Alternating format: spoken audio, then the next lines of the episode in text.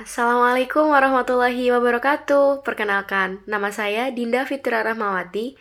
Saya mahasiswa semester 2 dari program studi S1 Hubungan Internasional Universitas Muhammadiyah Yogyakarta. Pada kesempatan kali ini, saya akan membawakan sebuah kisah di balik kekaisaran Utsmaniyah yang pernah menguasai hampir 2 per 3 bagian dunia. Oke, sebelum membahas lebih lanjut mengenai kekaisaran Utsmaniyah, Alangkah baiknya kita lihat dulu bagaimanakah awal mulanya kekaisaran ini terbentuk. Jadi, pada mulanya, Kekaisaran Utsmaniyah atau juga dikenal dengan Kekaisaran Ottoman bermula sebagai salah satu dari banyak negara kecil di Turki yang muncul di Asia saat runtuhnya dinasti Seljuk Turki. Selama masa pemerintahan Muhammad II dari tahun 1451 sampai 100 81 sebelum Masehi, Turki Ottoman mulai bergabung dengan negara-negara kecil lain sekaligus menjadi akhir bagi dinasti lokal lainnya. Fase awal ekspansi Ottoman terjadi di bawah pimpinan Osman I, Orkan, Murad I, dan Beyazid I dengan mengorbankan Kekaisaran Bizantium, Bulgaria, dan Serbia. Kota Bursa jatuh pada tahun 1326 dan Adrianopli pada tahun 1361. Masing-masing secara bergantian menjadi ibu kota kekaisaran. Kemenangan Ottoman besar di Kisovo pada tahun 1389 dan di Nikopol pada tahun 1396 menempatkan sebagian besar semenanjung Balkan di bawah kekuasaan Ottoman. Hal ini membuat Eropa sadar akan bahaya yang dapat timbul akibat dari adanya kekaisaran Ottoman. Pengepungan Utsmaniyah terhadap Konstantinopel berhenti dengan keadaan timur dengan kehadiran Timur yang mengalahkan dan mengalahkan Bayezid pada tahun 1402. Selain cerita di atas, pada zaman Kekaisaran Ottoman juga terjadi ekspansi besar-besaran. Kekaisaran Ottoman sendiri dipersatukan kembali oleh Muhammad I, kemudian berkembang dengan penuh kemenangan di bawah penerusnya, Muhammad Murad II dan Muhammad II. Kemenangan di Varna pada tahun 1444 atas tentara salib yang dipimpin oleh Ladislaus III dan Polandia diikuti oleh penangkapan Konstantinopel pada tahun 1453. Mulai saat itulah Ottoman menjadi bagian besar dalam sejarah Konstantinopel, serta peristiwa jatuhnya Konstantinopel ke depannya. Dalam satu abad, Ottoman telah berubah menjadi sekumpulan rakyat nomaden, menjadi pewaris dari kekaisaran Eropa terkuno. Kemenangan mereka sebagian besar disebabkan oleh kelemahan dan perpecahan dari musuh-musuh mereka, dan sebagian lainnya pada organisasi militer mereka yang unggul. Pasukan mereka terdiri dari banyak sukarelawan Kristen. Ekspansi Turki mencapai puncaknya pada abad ke-16 di bawah Selim I dan Sulaiman I. Kekalahan Hungaria pada tahun 1526 di Mohacs membuka jalan bagi Kekaisaran Ottoman untuk melakukan penangkapan Buddha pada 1541 dan penguasaan sebagian besar wilayah Hungaria. Transilvania menjadi salah satu wilayah istimewa, sebagaimana Wallachia dan Moldavia. Perbatasan kekaisaran dengan Asia melebar hingga ke Persia dan Arab. Selim berhasil mengalahkan Mamluk di Mesir Suriah. Selim I merebut Kairo pada tahun 1517 dan mengambil kekuasaan kekhalifahan. Kemudian, pada tahun 1518, Selim I berhasil menguasai Algiers dan perdagangan Mediterania, yang sebelumnya berada di bawah kekuasaan bajak laut Barbarossa. Sebagian besar harta dari Venesia dan bagian lainnya di Yunani juga jatuh ke tangan Sultan Selim I. Pada pemerintahan Sulaiman I tahun 1535, dimulai persahabatan antara Prancis dan Turki yang dimaksudkan sebagai bentuk perlawanan terhadap Habsburg, Austria, dan Spanyol. Sulaiman mereorganisasi sistem peradilan Turki dan pada masa pemerintahan lah sastra, seni, dan arsitektur Turki berkembang pesat. Dalam prakteknya, sebenarnya hak prerogatif sultan dibatasi oleh hukum syariah atau hukum Islam. Dan biasanya otoritas dibagi menjadi para saihul Islam atau kepala pemelihara yang menjaga terjalankannya hukum Islam dengan wazir akbar. Setelah kematian Sultan Sulaiman, para ulama dan Janisari memperoleh kekuasaan dan membawa kerusakan besar.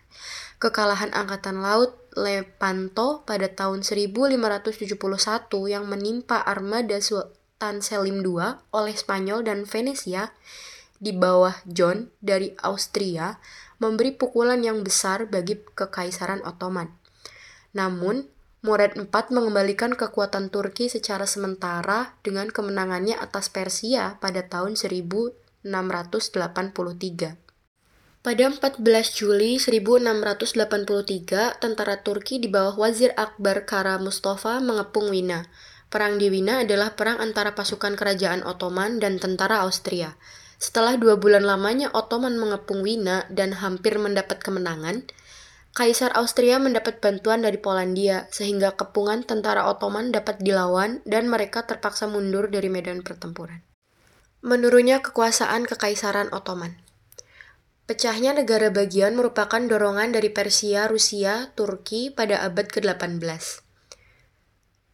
Mesir hanya merasakan kekalahan sementara dari tentara Napoleon, tetapi perang kemerdekaan Yunani yang digencarkan selama 8 tahun lamanya Perang Rusia-Turki pada tahun 1828 sampai 1829 dan perang dengan Muhammad Ali dari Mesir mengakibatkan hilangnya Yunani dan Mesir. Kontrol Rusia atas Moldavia dan Wallachia serta Serbia yang hampir memperoleh kemerdekaan. Reformasi yang drastis pada abad ke-18 dan abad ke-19 oleh Selim III dan Mahmud II namun sayangnya mereka sudah terlambat. Pada abad ke-19, Turki digelari sebagai Sick Man of the Europe atau orang sakit Eropa. Melalui sebagian melalui serangkaian perjanjian kapitulasi yang dimulai sejak abad ke-16 hingga abad ke-18, Kekaisaran Ottoman secara bertahap kehilangan kemandirian ekonominya. Secara teoritis, Turki memang mendapat kemenangan atas Perang Crimea, namun dampak ekonomi yang muncul dari perang tersebut sangat besar dan memperburuk kondisi ekonomi Turki pada kala itu. Perang Crimea yang melibatkan Rusia dan Kekaisaran Ottoman serta aliansinya di usia telah penandatanganan perjanjian perdamaian pada 30 Maret 1956 di Kongres Paris. Pada tahun 1839, Sultan Abdul Al-Majid mengeluarkan dekrit berisi badan penting reformasi sipil, kemudian diikuti oleh Abdul Al-Aziz pada tahun 1861 yang pemerintahannya turut menyaksikan kebangkitan Partai Liberal. Abdul Al-Hamid II naik tahta pada 1876 setelah penguasaan singkat Murad V. Konstitusi liberal dijebak oleh Midat Pasha, seorang pemimpin partai liberal, liberal, sehingga parlemen Turki pertama dibuka pada 1877. Tetapi Sultan segera memecatnya dan memulai aturan depositme pribadi. Pembantaian Armenia pada akhir abad ke-19 mengubah opini publik dunia terhadap Turki. Al Abdul Al-Hamid menang dalam perang Yunani-Turki pada tahun 1800 97. Namun sayangnya kereta pada akhirnya diperoleh Yunani. Setelah serangkaian peristiwa penting tersebut, akhirnya Kesultanan Ottoman mengalami kehancuran. Pada tahun 1908, Gerakan Turki Muda, sebuah kelompok reformis dan nasionalis yang kuat dan banyak pengikut dari tentara, memaksa pemulihan konstitusi pada tahun 1800 76. Sehingga akhirnya pada tahun 1909 parlemen menggulingkan sultan yang menem yang menempatkan Muhammad V di atas tahta. Dalam perang dalam dua perang Balkan yang terjadi secara berturut-turut pada tahun 1912 dan 1913, Turki kehilangan hampir seluruh wilayahnya di Eropa. Bulgaria, Serbia, dan Yunani, Albania mencicipi kemerdekaan untuk pertama kalinya. Nasionalisme Turki muda menunjukkan sifat permusuhan kepada minoritas yang tersisa di kekaisaran. Turki muda yang dipimpin oleh Enver Pasha memperoleh kekuasaan diktatorial setelah melakukan kudeta pada tahun 1913. Pecahnya Perang Dunia I membuat Turki ikut berbaris bersama dengan barisan blok sentral. Meskipun pasukan Turki berhasil melawan sekutu dalam kampanye Gallipoli pada 1915, Arab bangkit melawan kekuasaan Turki dan pasukan Inggris menduduki Baghdad dan Yerusalem pada tahun 1917. Kemudian, pada tahun 1918, perlawanan Turki akhirnya runtuh di Asia dan Eropa. Sebuah gerakan gencatan senjata dikumandangkan pada Oktober sekaligus menjadi tanda berakhirnya kekuasaan Kekaisaran Ottoman. Pembubaran Kekaisaran Ottoman ini dikonfirmasi dengan perjanjian Serves antara Turki Utsmani dengan sekutu pada tanggal 10 Agustus 1920. Dengan kemenangan dari kaum nasionalis Turki yang menolak untuk menerima persyaratan perdamaian dan menggulingkan sultan pada tahun 1922, Kekaisaran Ottoman pun akhirnya selesai. Hal ini juga menandai dimulainya sejarah Turki modern hingga saat ini. Ya, jadi demikianlah kisah Kekaisaran Ottoman dari mulai awal berdiri hingga runtuhnya Kekaisaran Ottoman Utsmani yang hampir menguasai hak dua per tiga bagian dari bumi. Semoga dapat diambil manfaatnya dan menjadi pelajaran untuk kita semua.